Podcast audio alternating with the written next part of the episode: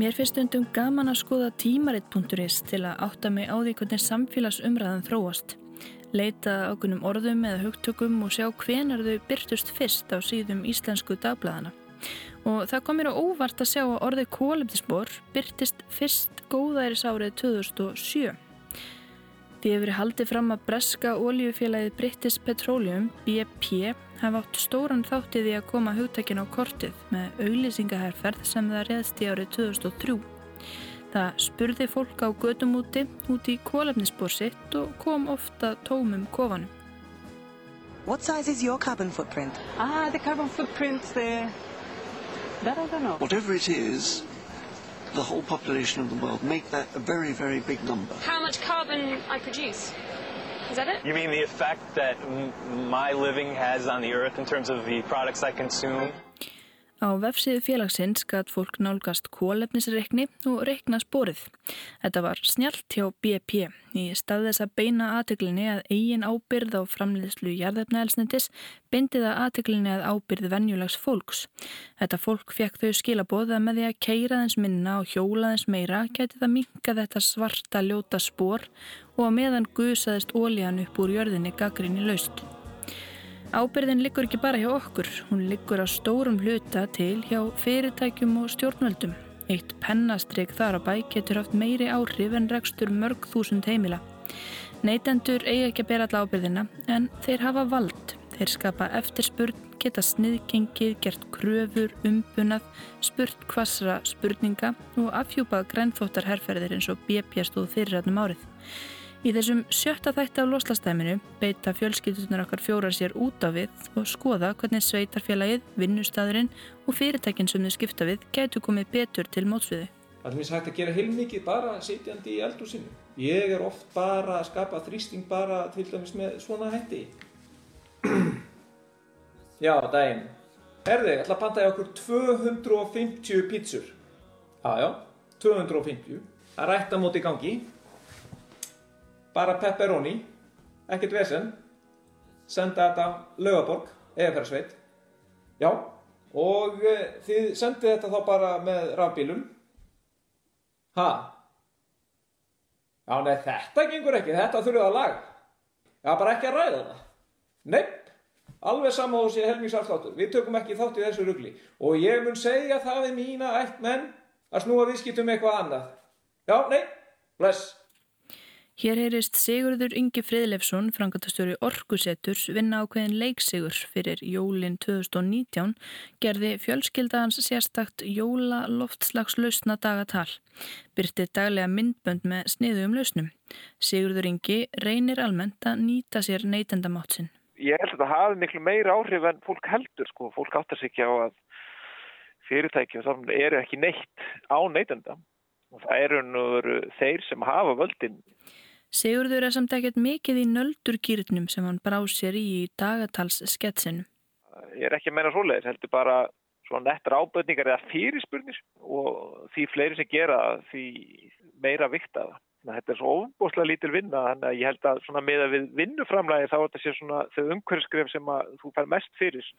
Hann er vissum að mörg fyrirtæki séu til dæmis einmitt núna að hugsa um að rafvæða bílaflótan og þurfi bara smá merki frá neytendum til að taka af skarið. Fjölskyldurnar fjórar sáu ímist tækifæri til úrbóta í skólum badnana, í vinnunni og í sveitafélaginu sinu almennt. Íðun á Kvanneri fekk frængu sína í lið með sér. Hún er sko rosalega reynd leikskólamóðir þar sem hún á fjöguböld og mikill umhverju sinni og mentaður náttúrufræðingur. Ég ætla að fá hana eins í lið með mér og, og gá hvort við getum haft smá áhrif á leikskólan hérna. Þess að verkefnið er beina aðtiklinni út af við og hugsa um hvernig þið geti haft áhrif utan heimilis. Getur hvað mér þetta í hug. Ég er sérstaklega með hérna Jóninu frængu mína og hugmyndi mín er að ráða skipulega, skipulega gegn glimmerinu. Frábært plan. Við erum búin að tuða um þetta mjög lengi en það gerist ekki neitt sko. Er það pælingin að reyna að taka út glimmerið í leikskólanum? Já. Jafnvel grunnskólanum líka. Já, og því þetta eru bæði grænfónaskólar líka. Alltaf þegar við erum að byggja um nýjan fána að það þarf alltaf að vera líka eitthvað svona markmið. það er kannski sniðut að tala um fóreldrafélagið af því þá er þetta að taka líka umræðina fyrst innan fóreldrahópsins. Já. Er almenn sátt um þetta Mhm, mhm. af því ég hef tekið þetta fyrir örgulega tvisvar á aðalfundi fóreldrafélagsins Já. og það sem ég uppskar var grína mér Mhm. á þorrablótinu. Mhm. það var eina sem ég fekk. Það var einu viðbröðin. Já. Þá sem ég bref hérna til fóreldrafélagsins uh, góð. Góðan dag. Við óskum eftir því að fóreldrafélag taki til efnislegrar ef, efnislegrar umfjöllunar nótkun á glimmeri í leikskólanum. Glimmer eru álhúðaðar plastagnir sem eru hluti af örplastvanda heimsins. Þetta er stert. Glimmer er kannski ekki beint lofslagsmál en það er allt í lagi. Það er ekkert mikið unnið með rörsýn í umhverfismálum. Það þarf að hugsa heildrænt um allt vistkerfið. Íðun let ekki þarna við setja. Hún fekk innblástur frá Kristjáni í Reykjavíku fjölskyldunni en vinnustæður hans, Íslandsbanki, leifir starfsfólki að vinna heima eitt dag í viku óháð öllum faraldrum og við það minkaði losun vegna samgangna starfsfólks um 15. Íðun laði það sama til við framkvæmdastjórn vinnustæðarins síns landgræslunar. Eitís og Björgvin á Akureyri töluðum um hvernig þau getur beitt sér á vinnustæðanum, hann í byggingavinnunni og hún sem sjúkraliði á spítalanum.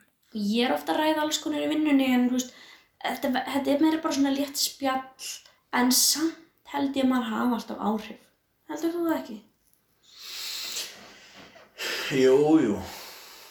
Nú vinn ég náttúrulega hjá sjúkrahúsinu sem er náttúrulega ríkistofnun og það er náttúrulega bara umhverfisráð innan sjúkrahúsins. Það til dæmis, nú er, er, er búið að senda könnun á alla starfsmenn hvernig er ferðast í, í, í úrvinnu Það er talað um að það er að byggja eitthvað nýtt hjólaskíli hjá sjúkrahúsinu og þú veist, En sem vinnustæðir þinn, það er greinilega mjög jákvæð. Það er fullt af fólki sem hjólar eða lappar eða ég meina það er einn eitthvað læknir svoleiðis. sem hjólar allt árið í saman hvernig ve veðrið er. Já, það er reyndar einn, einn á vinnustæðinu mínu sem hjólar allt árið. Já. En megnið af þeim sem keiri vinnuna eru á svona jepplingum eða bara stórum jeppum. Næ, ég veit ekki, það er kannski svona, dálítið, hvað ég að kalla það? Kallarembu? Nei, ég veit ekki hvern, ég- hvernig ég fíla þetta. Þetta er svona smá svona, Það er kannski pínum munurinn, nú vinnur þú er bara, það er einn kona sem vinnur fyrir fyrirtæki. Hún á áskrifstofinni. já, Ég man líka að var nú dísiltrukkur sem fyrirtækið á sem að var settur í gang um morgunin og láta þýða á sér og síðan lappaði ykkur að drapa á hann þegar vinnið var búin hann var ekki hreyfður. ha, var hann bara í gangi allan daginn? Já, ég veit ekki, jú, jú, þetta gæti ég bentaði fyrirtækinu að að láta alla sendibílana sem skuttlast hingað að þanga fara í rafmagnin með að við hvernig rafmagsandinn í fyrirtækinu er Já. þá ég get bara haldið áfram að ræða í kaffitímum um rafmagsbíla. Já, þetta hlýtur að síðast inn á endanum, ég meina ég hef, Já, ég var í gömlu vinnunum eins og fyrir vestan, þá var ég, ég var svolítið að tuða um, tuða, þú veist segi ég tuða, um flokkun til dæmis. Það reyndar ekkert flokkað hjá okkur. Nei, þú getur fara til dæmis að reyna að koma að því. Já. Að flokka myndi spara það sem er rándýrt að losa að tæma gáminn. Í- Já. Elsa, Sveinbjörn og Birta í Hafnafjörði voru líka með hugan við vinnuna. Elsa talar um loslasmálin við skjólstæðinga í starfsendurhæfingarstuð Hafnafjörðar. Ég er alltaf að reyna að hafa áhrif. Til dæmis með kennsli í gær, venjur og viðhorf og þá tók ég þetta inn. Sveinbjörn vinnur að því að koma flokkunamálum í enn betri farveg á sjúkraþjálunarstofunni sinni og svo fekk hann hugmynd. Ég er að stinga mikið nálum, að hafa ekki eins og mikið plast, svona hulsur úr nálunum sem allir, eða flesti bara henda í plasttunnuna en, en ég er að reyna að koma þessu út til veiðimanna sem er að nýta flugur, túpuflugur úr þessum plasthulsum. Ég get bara fullið það, ég geti séð öllum, öllum sem nýta flugur, eða nýta túpur, geti séð þeim bara fyrir og kostnaður þessu. Birta reðst í stórt verkefni á sínum vinnustaf. Ég sem sagt vinn á leikskóla og ég tiltúlega bara nýbyrja að vinna þar sem þetta er bara tímabitið starf en mér bara blöskrar að sjá allar þessar bleiur bara gjörsamlega fljúa út um gluggan hvað 30-40 blöður ef ekki meira á dag á einni deild og bara síðan ég byrjaði að vinna þá hugsaði ég strax af hverju er enginn með taublöður ég ákvað að spyrja leikskólastjóran hvort það væri nokkuð bann á leikskólinum að nota taublöður og hún í rauninni svaraði ekki, hún sagði ekki nei, hún sagði ekki já, hún sagði bara þetta er bara spurning hvort að þið séu tilbúinar að gera þetta. Hún sagði ég ætti endilega að spyrja sem sagt dildastjórna þessu, eða komið svo framfari. Hún sagði líka hún hafi unni á þessum leikskóla eitt ár og hún hafi aldrei fengið fyrirspurn frá einhver fólkdra hvort að það væri lægi að komið taublur. Við fáum að heyra meira um hvernig þetta gekk síðar. Skólamálinn voru Stellu Sofí og Kristjáni í hlýðunum í Reykjavík líka hugleikin. Stella myndist á matarspór mötuneytisins þar sem stelpunar þeirra þrjár borða. Mér finnst svo frábært núna að sjá að uh, í líðaskóla og örgli fleiri skólum að þá er búið upp á grænkjærafæði uh, fyrir þá sem ekki borða kjöt en það er svona pínu sérstakt að uh, það þarf að skrá sig alveg sérstaklega í þetta. Það kostar ekki daugalega en eitt hannig en það þarf að skrá sig vegna þess að það hefur sínt sig að það er svo mikil ásókn í grænkjærafæðið að þegar það er eitthvað ólistuð kjöt eða ólistuð fiskur á matselunum þá er mjög mikil ásókn í hinmattin. Þannig að stundum er það þannig að krakkarnir sem eru þó skráðir í þann mat hafa ekki fengið það því hann er bara búinn þegar það kemur að þeim. Þetta er náttúrulega bara skýrt merki um það að það er eftirspurn eftir þessu mat. Uh, hins vegar á heimasíðu skólans, þar sem maður á að geta að séð hvað er í matin fyrir vikuna, þá er aldrei hægt að sjá hvað grænkerabönnin fá í matin. Þetta er náttúrulega bara bagalegt og kannski sínir ákveðu svona virðingaleysi eða skilningsleysi.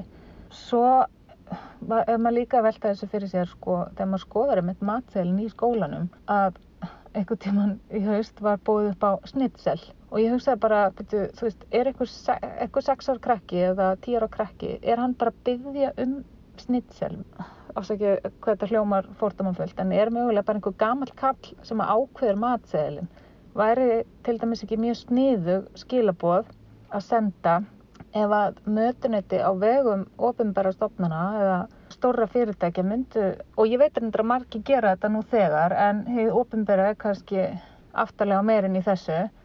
Þetta væri rosalega auðveld breyting og myndi breyta miklu ef að það væri bara grænkjærafæði fyrir alla, þó ekki væri nema einu sinni viku. Það er ekki verið að ganga á rétt neins og þetta myndi bæði, veist, auka víðsynni, batna, þau kynast nýju mat og auka víðsynni fóreldræðara líka og mögulega æmu afa og gamla kalsinn sem að vildi setja snittsel á matseðlinn hjá skólabötnunum.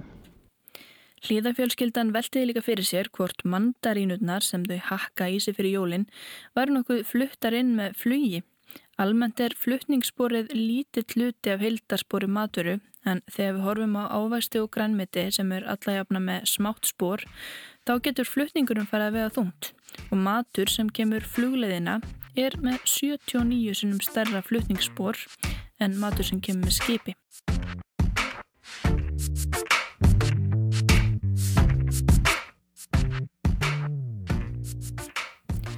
Fyrirtæki geta gert ímislegt og sum gera það svo framalega sem það bytnar ekki á samgefnistöðu þeirra.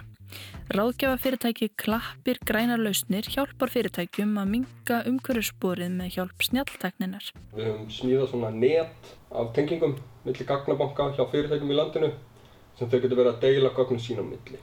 Þannig að rafveitæginn getur deilt gagnum með öðru fyrirtækjum hvað þú keftir á vamagni, sorpfyrirtæki getur deilt gagnum sín á milli um hvað þú hendur á sorpi og oljufélagin eru líka skráð þarna inn. Síðan erum við líka með fyrirtækjum sem Æslandi er sem að deilir með öðrum fyrirtækjum flugferðum sem þau eru að kaupa. Origo eru að deila prent upplýsingum, hvað sem mikið var prentað í lit og, og svo framvegis. Segir Þorstedt Svanur Jónsson, framkvæmdastjóri viðskipta þróunar hjá klöppum.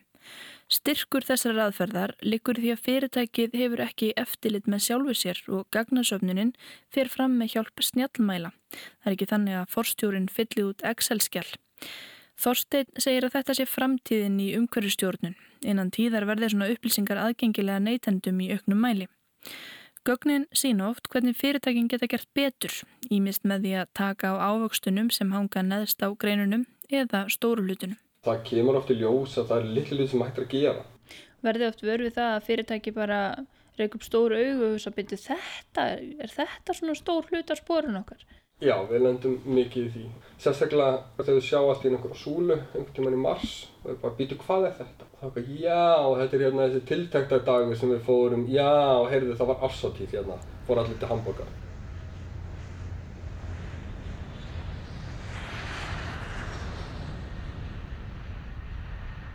Og manneskinn ennum bara þannig að, að ef hún getur lokað auðvitað fyrir hlutum þá gerur hún það stundum. En ef að upplýsingarna bara koma í andlitaður og, og þú sér hvað, er, hvað gerðist og hvað, hvernig, hvernig það er að skila sér í umhverfið, þá erum við líka þannig að við viljum gera eitthvað í því. Þorstein bendir á að flest skip geti til dæmis silt þannig að þau noti helmingi minni ólíu. Þau þurfi bara nýtt verklag, sigla þess hægar og mæta á réttum tíma til hafnar svo þau þurfi ekki að býða í lausagangi eftir stæðinu. Mörg fyrirtæki séu vilju til að gera vel en stundum mætti forgangsuðunin vera betri. Hann segir að það skjóti svolítið skökku við þegar fyrirtæki sem reyka stóran flota af bílum eða flugvilum setja allan lofslagskraftin í að láta skrifstofustarsfólki flokka. Verslanakeðjan Krónan er dæmi fyrirtæki sem hefur sínt raunverulegan metnað í umhverfismálum. Við erum stort fyrirtæki og, og mantran okkar er, er í rauninni að, að í krafti stærðar getur við haft áhrif til góðs og þetta er svona sem við erum alltaf að segja að hérna, eitthvað svona lítið skref sem við tökum uh, getur haft svakalega áhrif á markaði. Þetta er Hjördís Elsa Áskersdóttir markaðstjóri Krónunar. Fyrirtæki hefur lagt upp úr því að eiga í virku samtali við viðskiptavinni á samfélagsmiðlum og það eru mörg dæmum að þeir hafi haft áhrif. Af pökkunarborðið þar sem fólk getur skilað óþarfa plastumbúðum er til dæmis hugmynd sem kom frá viðskiptavinni. Krónan var fyrsta veslunin til að fjarlæga pókana og græmyndiskjælunum. Fyrstu dagarnir engjendust af ringulreið en svo saknaði þeirra enginn. Þetta er eitthvað sem fólk náttúrulega er búið að gera í mörg ár og, og veit ekki af hverju. Það er svona fólk líka á, á kössunum bara, já en ég vil geta raðað sko í sérpoka ávöxtunum og sérpoka þvóttefninu og, og við fórum svona með þetta að spyrja bara hérna, já en af hverju? Já þetta kannski ef að þvóttefnið hérna legur og, og, og jarðabærin renn út um allt, já, gerist það oft? Já nei, Það, þú veist, þetta er svona bara eitthvað vani. Þarna segir Hjördís að það hafi verið styrkur í því að hafa stjórnvöld á bakvið sig. Geta sagt að innan skams er þessi plastbókar bara ólöglegir. Krónan er auðvitað ekki fullkomin, nýja heimsendinga þjónustan er til dæmis kerð á púströðspílum. En fyrirtækir stegi nýlega stórt skref fekk allar verslanir sínar svansvottaðar og þar því að standast úttektir frá þriðjaðila, vera með ákveði frambóð af lífrætni og umhverfisvottaðri vöru, flokka, plast, pappa og lífrænt sorp. Og viðminn eru hert reglulega og krónan þarf að halda í við þau. Hjördís er fyrir sér breytingar framundan að stórmarkaðir fara að færa sig yfir í fjölnóta umbúðir til dæmis glerflöskur sem er skilað aftur í búðina til áfyllingar. Þessi þróun sé hafin í nákvæmlandunum en ekki hér. Þá telur hún að bráðlega verði hægt að upplýsa neytendur um kólefnisspór varana sem þeir kaupa að minnstakosti í grófum dráttum. Þróunin sé svo að neytendur vilji vita miklu meirum vöruna en hvað hún kostar en væri ekki viðkvæmt gangvart framleiðendum að merkja ákveðnar vörur sem há kólefnisborsvörur. Við erum ekkert spyrhætt við að hérna, sína að einhverjar vörur séu betri en aðrar, alls ekki og við meirum sér að velta vengum hvort við ættum að merkja sérstaklega mjög sigurháarvörur eða bara svona til þess að fólk sé mjög upplýst þegar það er að taka ákvörðum.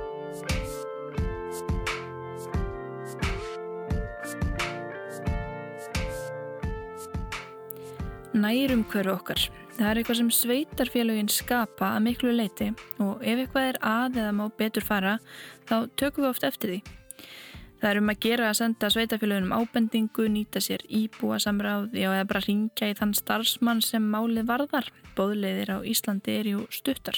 Og sveitarfélagun er náttúrulega í mjög góður aðstöðu til þess að skapa svona góða umgjörð utanum vistana lífstíl íbúa og, og svona gera, gera hérna málinn þannig að það sé bæði ódýrur og, og auðveldar að vera umhverfisverð heldur en ekki.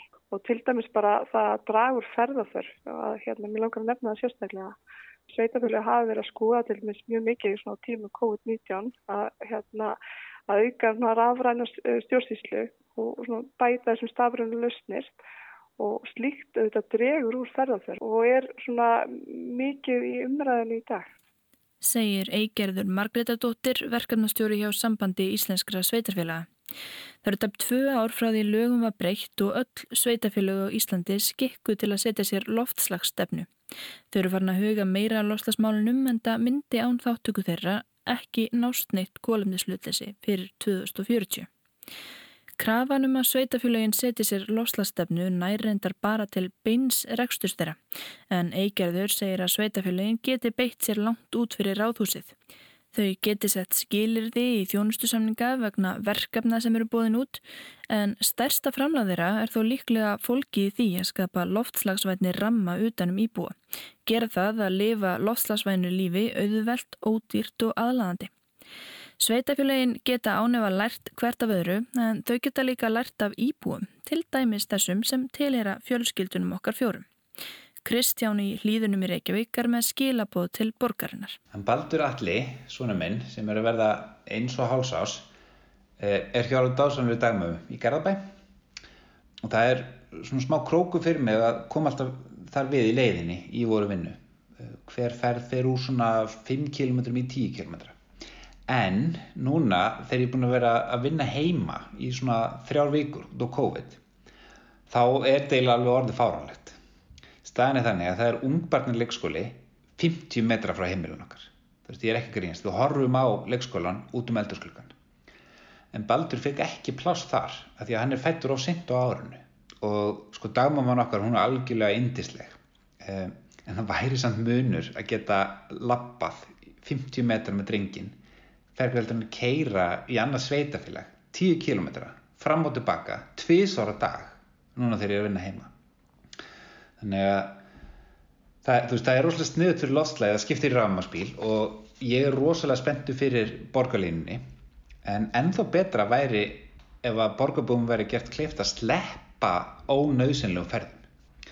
Því að maður hugsaður aðeins um bókaldið hjá sveitafélagunum þá er alveg pottitt sparnaður fólkinu því að bara hluti af hverjum árgangi komist í yngvarnilegskóla nálat heimilinu en veist, en er búið að reikna hvaða kostar umhverfið að senda foreldra í allar þessar ferðir með krílinn út um allan bæ á háana tíma. Ég myndi segja að veist, eitt af besta sem er Reykjavík geti gert fyrir okkur væri að hleypa baldri inn í leikskólan sem er hérna fyrir utan eða þá að tryggja fleiri dagmömmur í hlýðanum. Þú veist, þú myndi í heldina spara alveg svakalegan útblástur. Tæplega 60% af losun borgarinnar skrifast á samgöngur. Reykjavíkuborg stefnir á kólefnislutlisi fyrir árið 2040 og til þess þarf borgin bæða draga verulegu losun og binda helling af koltiseringi. Megin þorri allrar losunar sem verður innan borgarmarkana, 330.000 tonn, þarf að hverfa. Borgin er með grænt plan og hefur gert ímislegt, til dæmis sett upp á annað hundra hlæðslustöðva með orkuveitunni. En hefur losun Reykjavíkuborga minkað eitthvað síðastleginn fimm ár? Nei, því miður og Bjarni Brynjólfsson, upplýsingafulltrúi, segir að borgin get ekki náð slíkum árangri einu sér, það sé allt samfélagið undir. En hvað um nágranna sveitafélagið Hafnarfjörð? Sveimbjörn, Elsa og Birta fóru yfir stöðuna þar. Við förum á hérna, þessar endur stöðar hérna í Hafnarfjörði og við erum að lendi miklu vandara með að koma sérstaklega plastunum í þetta litla gat sem er á þessum hérna, gámum. Og við förum okkur alltaf í hvers skipti af hverju óskupunum gat eða svona óbúslega lítið, það er bara eins og, eins og undirskála hérna gat sko. Síðan er annað sem að við höfum verið að hugsa og setja við núna á sumrin og haustina hérna það var garðúrgangsgáma hérna í hverfánum, þú eru ekki að fara alltaf út á sorpu með garðúrgang. Það myndi spara mjög, mjög mikla kyrslu fyrir höfn, kerruvísan. Já. Það eru síðan við ætlum að tala aðeins um hérna göngustíðana og hjólastíðana og við erum svo svona okkur sammálað að séu mörgleitur góðir göngustíðar hafnaferði, ágætist tenging við það. Þeir eru alveg búin að, já, þeir eru búin að bætast, efst. Það er kannski vantla lýsingu sem staðar. Svo er hafnistu og þannig brekkuna. Ég hef nú svona, svona framtíða sín langar svo að hérna að það verður ennþá meiri gangandi og hjólandi umferð, sérstaklega þegar fólk er að vera til vinnun í Reykjavík og svona og, og það verður gaman að sjá þessu gungustíða bara uppbytta og þannig að maður getur farið á hjóli hérna skamlust að vetri til. Allan úrsins ring. Já, mögulega kannski hálf yfirbyggða sem að vestu hérna veðrin eru. Já, og fara bara yfir og klára þar sem er ekki göngustígar, að það sé settir þá göngustígar, að það sé, já, alveg á hreinu að það sé út um allt. Og svo kannski til að rósa aðeins. Nei, byrju, ég var ekki alveg búin með aðeins. Mér finnst líka, sko, það þurfa alveg að koma í veg fyrir að koma svona hoppur. maður er kannski á fullri ferð og svo kemur allt hérna smá hóla og það er bara svo hættulegt þá getur orðið til þess, ef fólk dettur þá hættir það og hættir og þorir kannski ekki aftur Til að tala um eitthvað sem er jákvæmt í hafnafæri varandi göngustíðana þá hefur verið mjög vel rutt. Allir göngustíður er að vera rutti bara snemma mótnar og mikið breyting síðustu 2-3 árum. Að því áður fyrir það var nú svona gert grínaði þegar við vorum að hlaupa lögadagsmótnum að við þurftum að fara inn í Garðabæ og hlaupa og Kópavog en nú er þetta bara snúðust við, nú er hafnafjörður bara á fremri öðrum sveitafélugum og svo var það líka veltað fyrir okkur með uh, skíli, reyðhjóla skíli sem ættu, hérna, ég held að þessu komið fínt skíli upp í Flensborg. En það má gera miklu meira við stopnarnir bæjarins við bókasafnið. Til þess að hvetja fólk að koma hjóli eða ganga skólana Þetta sé að þessi fólk hafi val og geti geimt hjólinn sín á góðum stað sem það rignir ekki á. Til dæmis eins og hérna að krakkinu mæta í vísaskóla þá voru alltaf að setja hjólinn bara upp við grindverkina litla Já. það er ekki búið að breyta síðan þá ég þessu kaplakri eitthvað. Svo vorum við að ræða hérna hvernig þetta hvetja fólk til að nota bílana minna og, og meiri hjól og, við vorum ekkert alveg sammála þau voru nú svolítið á því að þetta rukka fyrir stæði. Þetta sé þá kvartning að sleppa bílum og spara sér eitthvað þúskalla. ég meina það virkar í Nóri og Ég sé fyrir mig frekar að fólk er velunað eitthvað með að koma á hjólum. Það stendur reynda til að taka upp bílastæðagjöld í Hafnafyrði. Á vegum bæjarins eru þrjár hlæðslustöða fyrir rafbíla en stemtir að því að bæta fleirum við og þá verður það skoða samstarfi hjóla og hlaupahjólalegu. Hafnafjörður hefur hvart fólk sérstaklega til að byggja vistvotuð hús með því að gefa 20 til 30% afslátt af lóðaverði. Í umhverfis og auðlindastefnu bæjarins er orðið loftslag hvergi að finna. Bæjarinn hefur ekki sett sér töluleg eða tímasett markmiðum samdrátt í losun en hefur frá árinu 2018 kólefnisjafnað rekstur sinn hjá kolviði. Og þá er það borgarbyggð. Íðun fer yfir stöðuna þar, bæði sem sérfræðingur hjá landgræðslunni og íbúi í smáþorpinu Kvanneri. Það sem að ég hef skipt mér af í mínu sveitafélagi er kannski svona mest eh, landnýtingin í gegnum vinnuna mína. En borgarbyggð er algjörlega til fyrirmynda með eitt að í aðalskipulæginu stendur uh, að endurheimt vistkerfa sé leifð.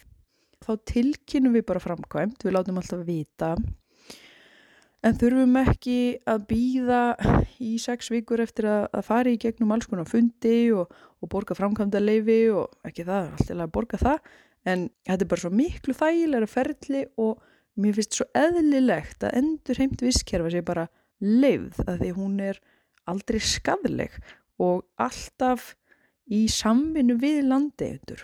Hins vegar finnst mér líka að borgarbið og sveitafjölög eigi að fara í þá vinnu og örgla mörg búin að því að skoða land sem að þau eiga og reyna bara að, að flokka landnýtinguna þannig að hún sé rökriðt fyrir landi sjálft. Til dæmis hérna í borgarbið hef ég aðeins verið að vinna með beit á landi sem að ætti ekki að beita og í mínum augum er bara lang eðlilegast að endurheimta það svæði og ég held bara að getur verið að þetta eigi við fleiri sveitafélag.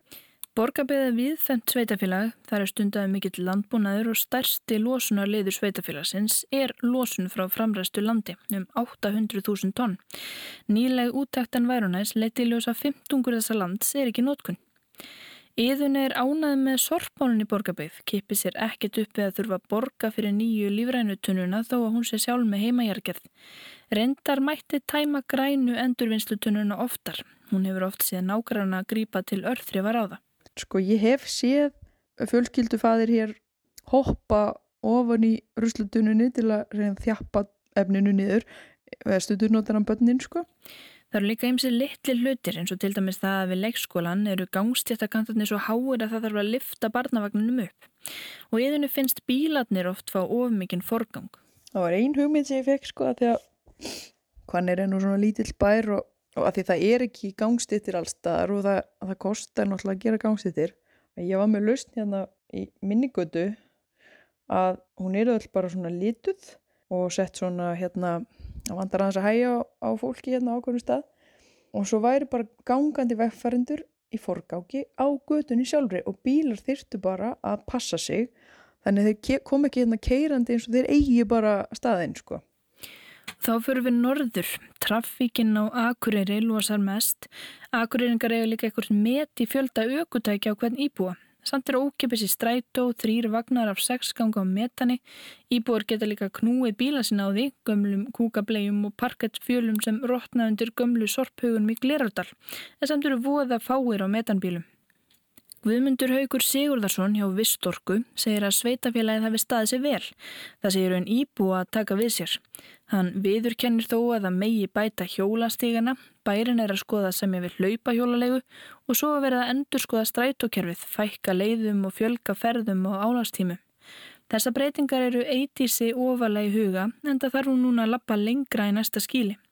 Hún tók þátt í íbúa samröði og gerði grein fyrir sinni sín þeir voru með einhverja yfirlýsingu að uh, þetta ætti að stitta ferðatíman og fólk væri til í að hafa bytni og hnit með þeirri leiðir uh, þó það þurfti að lappa lengra. Ég er ekki vissum að það er um alla alls ekki, ég, meni, ég er fullfærum að lappa svona langt. Mér finnst þetta bara óþarfi þegar ég þarf þess ekki. Uh, en það er fullt af fólki sem getur ekki lappa svona langt sérstaklega ekki snjó, eldra fólk það er bara hættilegt hreinlega fyrir þau fara þá bara bílnum Henni finnst líka vanta fleiri hraðhleðslustöðvar. Fóreldrarna sem búa á laugum hafa ítrekka lendið í að þurfa að býða lengi eftir að fá að hlaða bílinn. Þannig að þau þurfa að hlaða í hraðhleðslustöð þegar þau kominga í bæin. En þau eru bara að lenda ítrekka í því það er bara ekki pláss. Það er kannski kostur, það eru fleiri konur rámspila en það er samt, það er vandamál. Það verðist vera þessar tvær uh, hraðhleðslustöðvar sem eru hérna í bænum sem er önnur er á planinu við Glertorg og hinn hjá Hofi um, það verðist bara vera þannig að þær eru ekki að annað eftirspurn.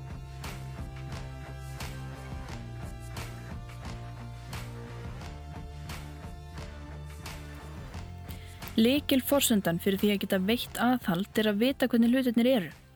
Framundan er bratti til að koma í veg fyrir varanlega röskun veðrakerfa þurfa ríki heimsan á kólefnis hlutleysi um miðjöldina með við núverandi losun glatast markmiðið um 1,5 gráðu innan nýju ára og heimsvísu þurfum við að minka losunina um 15 á hverju ári næstu ár. Það er þrefalt meiri samdráttur en heimsfaraldurinn allir. En það er margt gott að gerast. Endur nýjanleg orkar í sókn þráttur í faraldurinn. Alþjóðlega orkur á því spáir því að eftir fjögur ár verði meira rafmak framleitt með reynorkugjöfum en með kólum og í lok síðasta ás uppfærðu flest ríki heims markmið sín í tengslum við Parísasamkomiðlæð. 127 ríki sem eru ábyrg fyrir meirinn helmingi losunar stefna nú að kólefnis hlutleysi um eða upp úr miðri öld og með nýjum fórsetta, Joe Biden, verða bandaríkinn aftur hluti af Parísasamkomiðlæðinu. I will rejoin the Paris Accord. I will join the Paris Accord because with us out of it, look what's happening. It's all falling apart. Ef ríki heims fylgja eftir nýju fínu markmiðinum er búist við því að það hlínu um 2,6 gráður fyrir lók þessar aldar. Betur má ef dugaskal en fyrri framlög bind okkur í 8,3,2 gráðum. En hvað um Ísland? Við náðum ekki að standa við markmiðin frá síðara tímabili Kyoto-bókunarinnar og óljóst hversu háan reikning stjórnvöld fá vegna þess, en nú er að standa við skuldbendingar parsamkomulagsins fram til 2030. Stjórnvöld ætla að ganga lengra í lofslagsmálum en alþjóðlega skuldbyttingar gera ráð fyrir og verja 46 miljörðum í stærstu verkefnina á næstu fimm árum. Þessi áallun er tímamóta áallun vegna þess að hér með höfum við sínt fram á að þessi ríkistjórn hefur snúið blaðinu við í lofslagsmálum og við munum ná okkar alþjóðlegu skuldbyttingum í lofslagsmálum. Við erum í samflóti með Evropasambandinu og Noregi og á næstu tíu árum ætla ríkin í saminningu að minka losun svæðisins um 55-60% frá því sem var í byrjun tíund áratúrins. Losunin frá svæðinu öllu er afgreitt í tveimur kerfum, í öðru er tekið á samfélagslosun eða því sem kallað er losun og bytni ábyrgstjórnvalda Það er losun frá minni yðnaði, sjávarútvegi, sorphaugum, samgöngum og landbúnaði. Í hinukerfinu sérstöku viðskipta kerfi með losunar heimildir er tekið á fluginu og stóriðunni. Heldar losun Európa-sambandsreikjana hefur minkað á síðustu áratugum. Við höfum aftur á móti auki losunum þriðjung frá árunni 1990. Lósun minkaði lítilegar eftir þetta hrun en síðustu ár hefur hún ímist auki staðins eða staðir stað. Það er óljóst hvað Ísland gerir núna. Við erum með í nýja 55% markmiðinu en stjórnveldegi eftir að semja um hlutild okkar í því. Áður en uppfærðu markmiðin voru sett höfðu við skuldbundi okkur til að skera niður um fjórðung með stöðun í dag. Ef við fyrum alla leið með ESB og skerum niður um 55% með við 1990 myndi það jafngjelda um 60% samdrætti í losun frá deginum í dag og fram til 2030. En þetta verður nú bara að koma í ljós. Loslasmálinn eru komin á dagskrá stjórnmálan á Íslandi. Nýja aðgerðaáalluninn er metnaðafillri en allar fyrri. Hún er fjármögnuð, mælanlega markmið, það vísir hún ekki bundin í lög og það eru ákveðnir nögrar. Til dæmis er gert ráð fyrir því að stór hluti samdráttarins í vegasamgöngum náist án þess að tilkomi nýjar aðgerðir.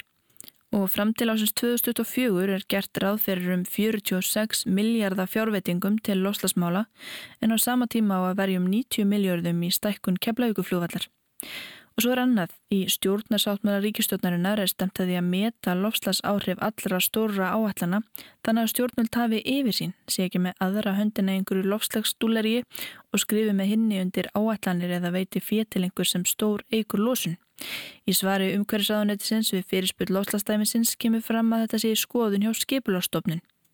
Svo veru aðgerðapakkar stjórnvalda vegna kórnveru faraldusins ekki metnir sérstaklega með tilliti til lofslasáhrifa. Þórhildur Fjóla Kristjánsdóttir hjá Landvend hefur þetta að segja um nýju aðgerða áallunina í loslasmálum. Það er margt rosalega jákvægt eins og varandi borgarlínuna, fjármagninu fangað, afslætti hérna, virðsökurskatta, rámasjólum, orkuskipti. En það sem á saman tíma á þessi aðgerða áallunins er að segja, þessi saga um aðgerða leysi í 20-30 ár á Íslandi er allt að gerast hraðar. Allar spár því miður að jöklanir er að bráðarna hraðar hafið er að súrna hraðar, hýtastíð er að hýtna hraðar, meðan hýtastíð í jörðinni er að, þetta er alltaf gerast hraðar. Það er aðgjör áðun eins og hún er núna, hún er ekki takt við alvarleikan. Við erum að ríka losun, að þann höfum verið að gera það síðustu ár, en nú þurfum við bara að snúa, við þurfum þess að svakalega uppbyggð og ég held að þessi miskilingur að halda að við getum farið í þessa uppbyggð án þess að finna neitt fyrir og við þurfum pólitikusa sem þóra að taka þær rótæku ákvarðanir sem það. Viðbröð stjórnvalda heims við veirunni sanna að stjórnvald hafa börði til að bregðast við krísum. Framlög til loslasmála blikna oft í samanburði við aðgerðapakkana. Því miður hafa ríki heims bröðist við COVID með því að láta hærri fjárhæði renna til óli og kólaðinaðar en reytna orkugjafa. Þetta er samt alveg hægt. Nýlega rannsók bendur til þess að ríki heims þurfi ekki að verja nema helmingi þess fjármaks sem varið hefur verið í veirupakka til að halda hlínun jarðar innan við einu og hálfa gráðu. Og ávinningurinn væri markfaldur, ekki bara talin í peningum, heldur líka í lífvænlegri jörð, betri hilsu, færri farsóttum og fleiri kóraldýrum. Við erum í þessum sjötta þætti af loslastæminu búin að vera að spyrja og pöngast og benda á ímislegt en hafið það eitthvað upp á sig? Ég spurði Hjördísi Elsu hjá króninni út í þetta með mandanínutnar fyrir Reykjavíkufjölskylduna. Hvort nokkuð væri flógi með þar til landsins? Það komi skipi en við, við flytjum mikið inn af, af ávöxtum og, og flest allt kemur skipi. Við erum að flytja inn með flugi bláber og jarðaber og avokado og stundum salatblöndur líka. Hjördís ætlar að skoða hvort hægt sé að merkja þetta sérstaklega. Ég sendi líka fyrirspunna á samkaup fyrir Eitísu og Björgvin sem vesli netto aðgröri. Lárperurnar þar eru settar í skip á réttu þróskastígi og það er því líklega betra fyrir lofslægið að kaupa þær þar. Birta hjælt tauplegu kynningu á næsta starfstegi í leikskólanum og fekk jákvæð viðbröð frá samstarfsfólkinu. Í ljós kom að það voru engin börn sem nótuðu tauplegjur heima en foreldrarnir tókuð vel í skilabóðin og ein mamman saðist vera að hugsa um að prófa. Þannig að vonandi er ég búin að næla mér í eina taubli inn á leikskólan sem er bara frábært og ég er ekki að fara að hætta núna. Heldur þá er þetta mjög mikið að brenna á sálinu mín að sjá og sérstaklega því að þetta er garðabær. Ég held að garðabæri væri með bara fínust og flottustu taublunar en svo er ekki.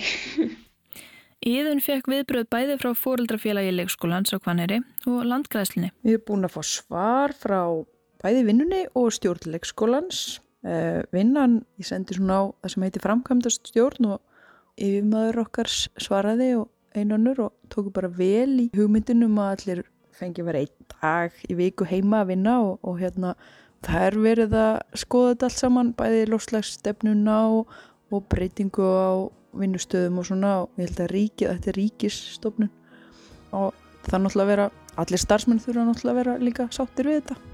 En það var gaman að fá jákvæðsvör og svo er uh, stjórn fóreldrafélsins búin að svara okkur með glimmerið og tók vel í þessa fyrirspurt okkar í Jónínu og ætlar að taka máli áfram sem er indislegt svo að fólk hætti bara að gera grín Það er ótrúlega margt spennand að gerast. Þið takið öruglega eftir því ef að þið lítið í kringum ykkur. Starfsmenn postsins skjótast á milli húsa, kapp dúðaðir á rafknúnum þrýhjólum. Hver sem litið er í Reykjavík má sjá á minnstakosti eitt ramaslaupahjól frá hopp, vind eða sóló. Bankarnir eru fattin að bjóða upp á grænlán og fyrir nokkrum árum hefur verið óhugsandi að verslun með nótuð föt er þeir starfrætt í stóru rými í smáralind. Meira segja British Petroleum sem reyndi að koma ábyrðinni yfir á neytundur með limskulegri auðlýsingaherrferð árið 2003 og gaf svo stór lofur sem það stóð ekki við. Meira segja það ætlar að bæta sig, minka framleiðslu á ólí og gasi um 40% fyrir 2030 og fjárfesta ríkulega í endunniðalum orkugjöfum. Hlutabriði í fyrirtækinu hækkuði verði þegar ákvörðunin var kynnt fyrir tæpu ári. Kanski var ákvörðun BP bara tekin á markaðslegum fórsöndum fyrirtækið er heldur ekkert hægt í ólíunni en lausnin byggist kannski á því að allir bæti sig, líka BP og félagar.